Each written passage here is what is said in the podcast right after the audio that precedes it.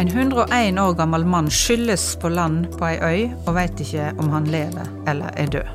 Ei 55 år gammel kvinne går sine daglige turer i Torshovparken med sin gamle hund, og prøver å huske hva som skjedde med henne da hun var 16 år i 1983.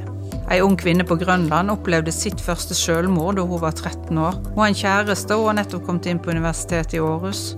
Verden ligger åpen, men likevel føles ingenting riktig.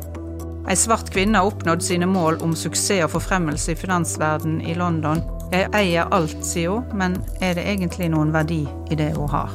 I Glasgow, i arbeiderklassen på 90-tallet, har to unge gutter blitt venner mot alle odds. Den ene katolikk og den andre protestant. De forelsker seg og drømmer om å finne et sted å høre hjemme.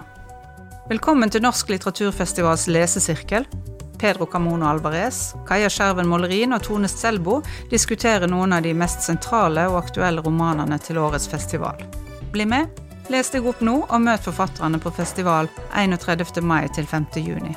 Første episode er tilgjengelig fra 22. mars, og da snakker vi om romanen 'Høst', som er Alice Smiths første bok i hennes årstidskvartett.